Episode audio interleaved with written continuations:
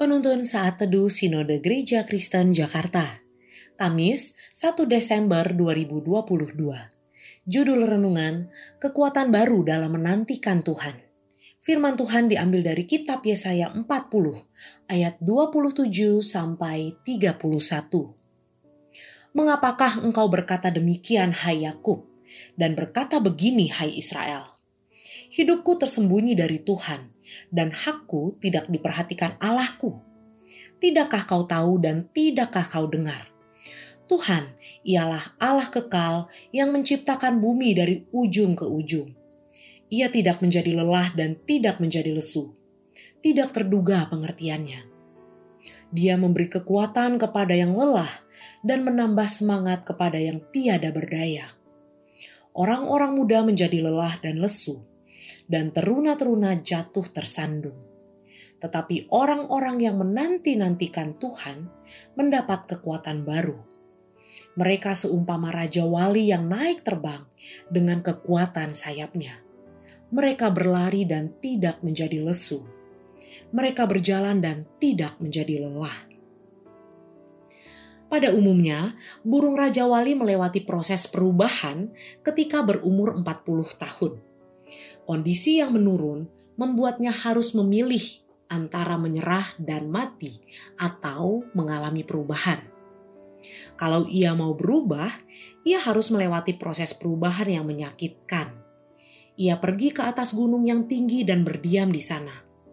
Ia mematuk-matuk paruhnya di batu sehingga paruhnya terlepas dan tumbuh kembali. Setelah itu, ia merontokkan bulu-bulu dan kuku-kukunya sampai tumbuh yang baru. Proses perubahan itu menghasilkan pemulihan dan memberikan kekuatan yang baru untuk terbang tinggi melintasi badai. Di tanah Babel, umat Allah telah patah semangat dengan keadaan mereka yang tak kunjung berubah. Mereka telah menantikan Allah namun sepertinya Allah tidak peduli dengan kesulitan dan penderitaan mereka. Karena itu, Yesaya mengingatkan mereka untuk tidak menyerah.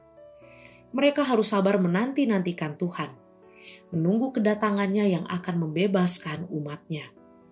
Orang yang menantikan Tuhan seumpama Raja Wali yang naik terbang dengan kekuatan sayapnya. Ia akan senantiasa berharap dan percaya kepadanya sehingga dimampukan melintasi badai karena telah mengalami proses perubahan dan pemulihan. Kedatangan Yesus yang pertama membawa pesan perubahan dan pemulihan bagi umatnya yang menderita karena dosa. Yesus telah mengalami penderitaan yang menyakitkan untuk memulihkan relasi kita dengan Allah dan sesama.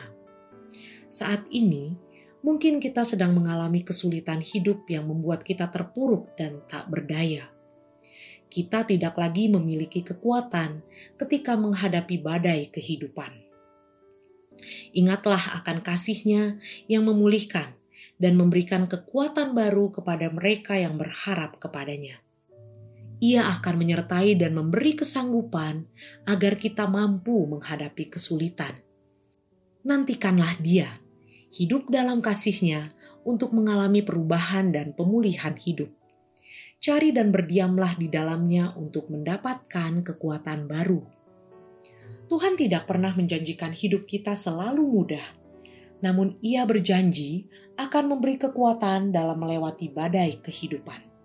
Terpujilah nama Tuhan.